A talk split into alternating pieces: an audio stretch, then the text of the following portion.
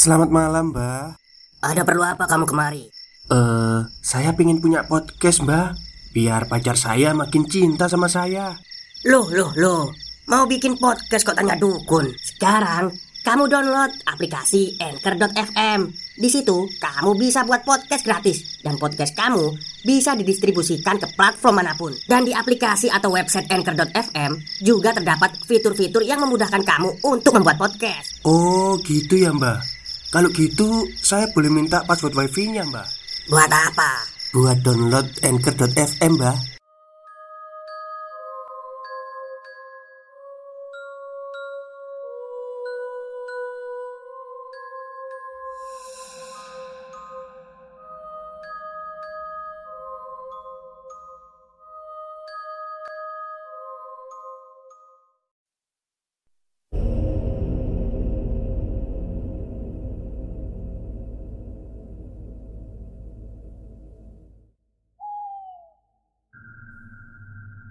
Assalamualaikum warahmatullahi wabarakatuh. Halo semuanya Jumpa lagi dengan saya Chow Sing Sing Kurator dari podcast Horror Night Story. Halo apa kabar semuanya? Semoga kalian semua baik-baik saja ya. Dan tadi siang saya sudah upload tentang santet tumpes kelor ya. Jadi karena saya teringat sem- apa kan belum saya jadikan satu itu. Jadi makanya tadi itu saya niatnya saya jadikan satu terus saya upload. Jadi silakan dinikmati tanpa dipecah-pecah gitu ya. Oke dan pada malam hari ini saya kembali dan menyuguhkan cerita dari treat horornya Creepylogi yang ada di Twitter. Kalau mendengar kisah ini tuh antara ngeri dan mengharukan ya kalau menurut saya Oke, daripada kita berlama-lama, mari kita simak ceritanya. Saya sedang menjaga ibu yang dirawat inap, lalu bertemu pria ini. Aris namanya, yang juga sedang menjaga ayahnya. Perjumpaan berlangsung beberapa kali di kantin RSUD Bekasi, hingga ia menuturkan pengalamannya beberapa tahun sebelumnya yang begitu membekas, bahkan di benak saya. Aris berkawan lama dengan seorang pria, namanya Hasim. Kawan sejak kecil sampai SMA. Hubungan mereka lalu terpisah lantaran Aris pindah dari Bekasi ke Indramayu pada awal dekade 1990-an. Di era itu, sekali berpisah, anggap saja tidak akan jumpa lagi. Waktu berlari larat, tak bisa dikejar. Aris lulus kuliah, bekerja, ayahnya pensiun, ibunya wafat. Lalu, ia pindah pekerjaan sampai terdampar lagi di Bekasi. Untuk kali ini gantian dia yang merawat sang ayah.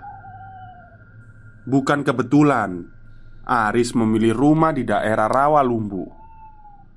Masa kecilnya hingga beranjak dewasa berkisar di sana. Oleh karenanya Suatu hari ia mencoba mengorek masa lalunya Mendatangi lingkungan yang dulu. Namun Kenyataan hampir semua sudah berubah Ternyata Hashim telah lama pindah. Ada yang berkata Hashim pindah masih di Seantero, Bekasi. Ibunya sudah meninggal saat pindah sebelum tahun 1995. Namun, Bekasi itu bukan barang kecil. Lebih luas bahkan dibanding Singapura dan Jakarta jika digabung. Aris belum menyerah benak sudah tanggung bernostalgia. Maka dicarinya kawan lamanya itu di Facebook. Ia tanyai teman-teman SMA satu persatu. Namun hasilnya nol. Kata mereka, Hashim benar-benar lenyap setelah lulus. Mulai dari situ, pencarian berakhir. Kalau takdirnya bertemu, pasti akan terjadi. Begitu pula kebalikannya. dan hidup terus berjalan sebagaimana mestinya. Satu ketika, Aris bepergian akhir pekan ke Bogor bersama keluarganya. Bertemu orang asing, mengobrol satu sama lain. Lalu, Aris belakangan tahu kalau lawan bicaranya ini ternyata adik kelas 3 tingkat di SMA. Dan itu menjadi pembuka takdirnya tentang hal lain. Si adik kelas mengaku bekerja di sebuah pabrik FMCG di Bekasi, dan ia dibantu masuk oleh kakak kelasnya bernama Hashim. Karuan saja, Aris jadi meledak semangatnya. Ia langsung bertanya sangat banyak dan sekaligus bersyukur bahwa kawan lamanya hidup dengan baik. Katanya, Hashim duduk di bagian purchasing. Karirnya bagus, anaknya dua, dan benar bahwa dia menetap di Bekasi, tidak berjauhan dengan tempatnya bekerja. Aris kemudian meminta nomor ponsel kawannya itu dan segera menghubunginya. Akan tetapi, ternyata tidak dijawab. Kata adik kelasnya, Hashim memang jarang menggubris nomor di luar keluarga dan kerabat saat akhir pekan. Namun, ia pun sudah mengirim pesan dan berjanji akan memberitahukan hal itu secepatnya. Aris pulang lebih cepat pada Ahad pagi, lantaran dikabari pembantunya bahwa kondisi ayahnya memburuk. Tak mau ambil resiko Begitu tiba di rumah, ayahnya segera dibawa ke UGD rumah sakit. Gulanya naik sangat tinggi, sehingga kata dokter diperlukan rawat inap. Sore hari Aris menerima pesan dari nomornya Hasim. Dia sangat gembira saat itu. Hashim berjanji akan menghubunginya lagi setelah ia pulang dari Lampung untuk sebuah acara tur klub motor yang diikutinya. Pukul 6 esok paginya ada telepon masuk. "Hai Aris, apa kabar? Masih ingat suaraku?" "Hashim kan? Waduh, udah lama gak ketemu. Kamu apa kabar?" "Kabarku baik. Eh, maaf, aku langsung merepotkanmu."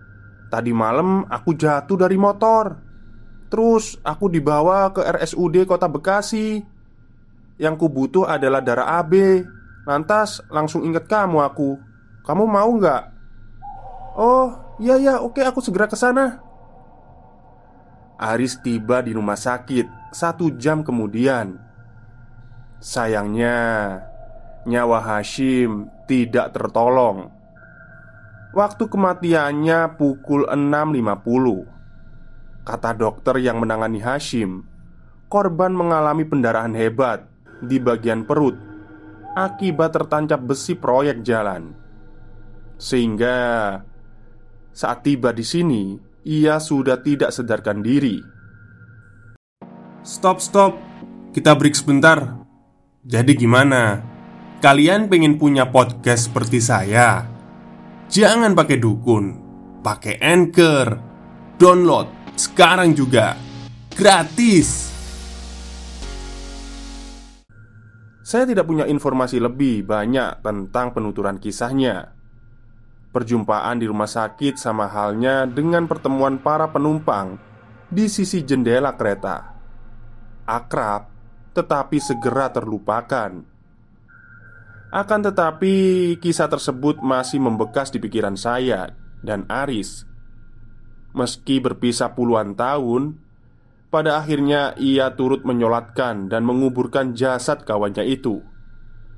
Bahkan, pertemanan itu bermanfaat hingga akhir hayat. Sebagai penutup, saya kira penting mengatakan bahwa saya pribadi tidak percaya bahwa arwah orang yang mati dapat berkomunikasi dengan manusia. Jin yang melakukan itu, terlepas apa tujuannya. selesai. Oke, itulah cerita singkat untuk malam hari ini ya. Sebuah kejadian yang uh, cukup membingungkan dan langka ya. Jadi sebenarnya temannya Mas Aris ini Hashim ini sudah meninggal. Maksudnya uh, sudah nggak sadarkan diri lah ya waktu waktu kecelakaan itu. Tapi yang aneh kan kenapa dia masih bisa nelpon si Aris ini terus meminta golongan darah AB-nya gitu ya. Ya mungkin saja itu cuma sebuah alasan biar mereka bisa ketemu gitu ya. Ya terlepas dari arwah penasaran atau apa Ya mungkin saja itu pesan terakhirnya Biar bisa ketemu sama kawannya itu Ya menurut saya kisah persahabatan yang cukup mengharukan ya. Oke, mungkin itu saja untuk cerita malam hari ini. Maaf pendek, kurang lebihnya maaf. Maksudnya kurang lebihnya mohon maaf. Wassalamualaikum warahmatullahi wabarakatuh.